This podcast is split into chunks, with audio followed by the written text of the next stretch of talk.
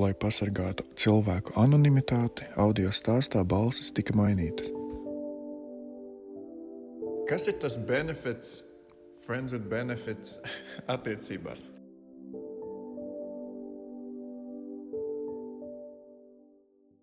Mūsdienu pasaulē attiecības ir visdažādākās. Jēdziens, draugi ar priekšrocībām, kļūst ar vien izplatītāks. Bet ko īsti nozīmē šis termins?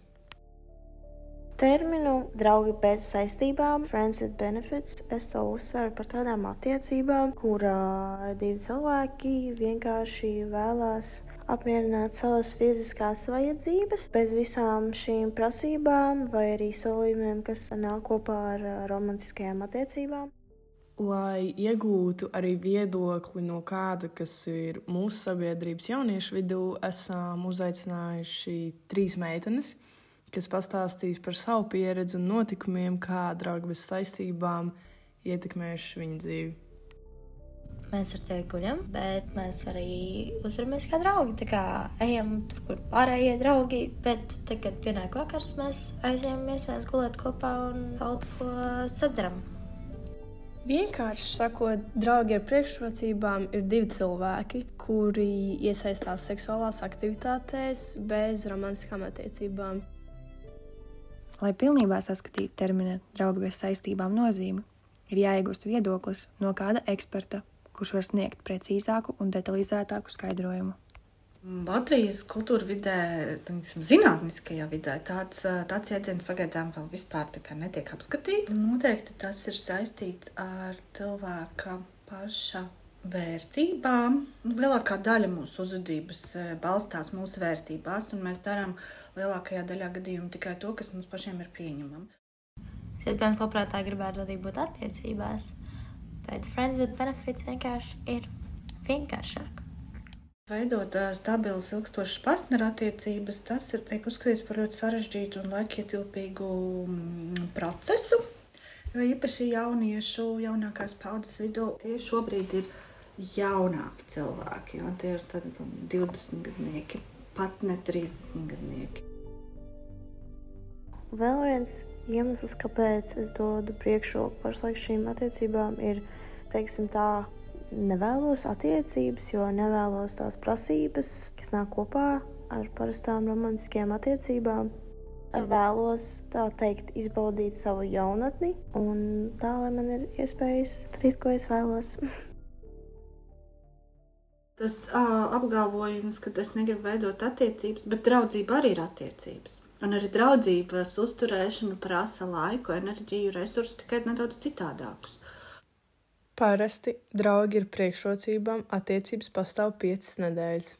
Tas izjūg, jo partneri savstarpēji tieks vairākas reizes nedēļā, tādā veidā pierodot pie otra klātbūtnes un veidojot ciešāku emocionālo saikni. Rezultātā jau veidojas jūtas un komforta sajūta.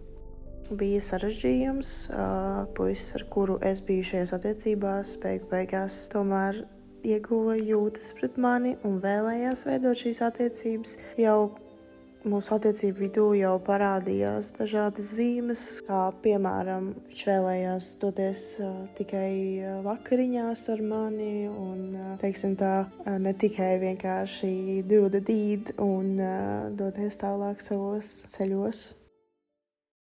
Jāatcerās, ka ir robeža starp seksu ar jūtām un parastu seksu, kad cilvēkus nekas vairāk nesaista, tikai fiziskais apmierinājums.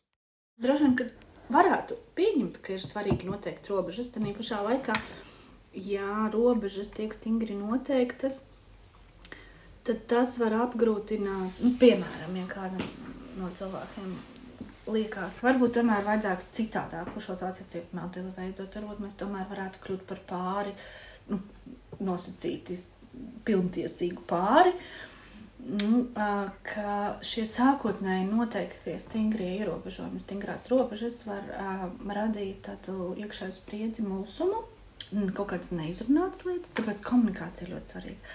Uh, jo tikko mēs nosakām ļoti stingras robežas, jau tad mums, uh, pat tad, kad rodas vēlme viņas pārkāpt, mēs paši sevi ierobežojam. Nu, tā kā ir iekšējas šaubas, vai drīkst vai nedrīkst, un tad es pat par to nedrīkstu domāt, kur nu vēl runāt. Uh, tad gan tas var būt psiholoģiski kaitīgi. Seks bez saistībām visticamāk nesniedz tikai priekšrocības, bet arī rada nepilnības un trūkumus, kas var veidot problēmas. Bija viens, ar kuru es gribēju veidot, tad bija arī viens, kas gribēja mani veidot, un tajās, kur es gribēju veidot, tur nesanāca. un bija diezgan bēdīga tā visa situācija beigās. Un otram man vienkārši jau viss bija tā priebies no visiem čaļiem, ka es pateicu, ka nekas nebūs. Ļoti iespējams, ka tiešām tā ir, ka tas var būt sarežģītāk, jo tajā brīdī, kad ir tās romantiskās pārattiecības, ir diezgan skaidri no pieredzes, ko mēs ar to saprotam. Savukārt, tas, ko pieminējām par tām robežām, ja mēs draudzējamies un guļam, Tad brīdī, kad robežas ir skaidrs, ļoti konkrēti nospraustas un rodas grūtības ar šo robežu noturēšanu, tad tas kļūst sarežģīti. Esot draugiem bez saistību attiecībās, man nav mainījušās domas ne par mīlestību, ne par romantiku. Jo, ja cilvēks ir uh, sapratis, ka, ka viņš pašlaik to nevēlas, vai arī viņam pietiek tikai ar fizisku apmierinājumu, tad tas jau, tas jau nemaina tavas domas par to, ka ka jau kad dzīvē atradīsi savu mīlestību. Loģiski ir kaut kādas lietas, kas kā kaut kā bišku iedod tādu, kā to sauc. Uztais tādu reality čeku, to, ka nav viss tik smuki un labi kā filmās. Uz brīdi ir jautri, un tad no rīta pamosies un atkal tāds here we go again. Atkal tieši nulle. Tas tur ir baigi, viss baigi labi, tam čalim ir noticis un tā tālāk. Un es jūtos tieši nekā. Es pat teiktu, ka tas vairāk man izsmeļ nekā man piepilda.